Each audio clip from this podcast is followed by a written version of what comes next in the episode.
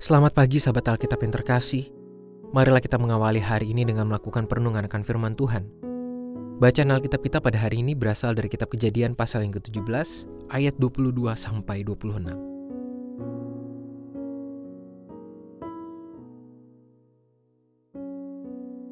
Setelah selesai berfirman kepada Abraham, naiklah Allah meninggalkan Abraham. Setelah itu Abraham memanggil Ismail anaknya dan semua orang yang lahir di rumahnya, juga semua orang yang dibelinya dengan uang, yakni setiap laki-laki dari isi rumahnya. Lalu ia mengerat kulit katan mereka pada hari itu juga, seperti yang telah difirmankan Allah kepadanya. Abraham berumur 99 tahun ketika dikerat kulit katannya, dan Ismail anaknya berumur 13 tahun ketika dikerat kulit katannya.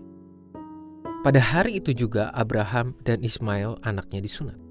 Dan semua orang dari isi rumah Abraham, baik yang lahir di rumahnya maupun yang dibeli dengan uang dari orang asing, disunat bersama-sama dengan dia.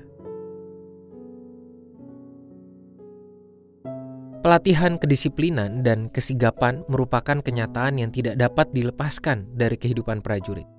Itulah mengapa mereka terbiasa mendapatkan beragam bentuk pelatihan untuk meningkatkan dan menjaga ketangkasan dalam mempersiapkan diri untuk siaga menjalankan tugas di segala situasi dan kondisi.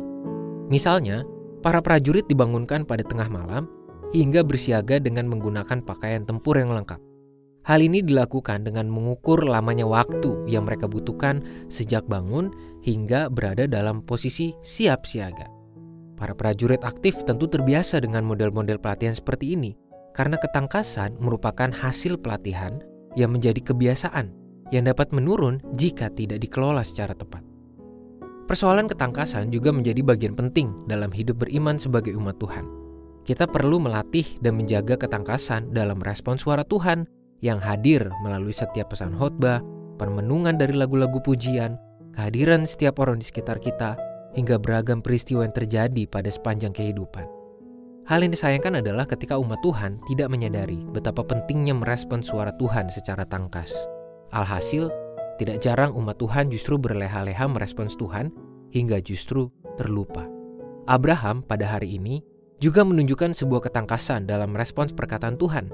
Sesaat setelah Tuhan meninggalkan Abraham, ia pun segera melakukan segala perkataan yang Tuhan sampaikan kepadanya. Abraham tidak menunggu beberapa waktu lamanya untuk merespons firman Tuhan.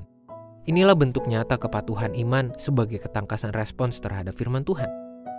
Sahabat Alkitab, melalui permenungan ini kita mendapati sebuah pembelajaran iman yang sangat mendesak untuk kita lakukan sebagai umat Tuhan.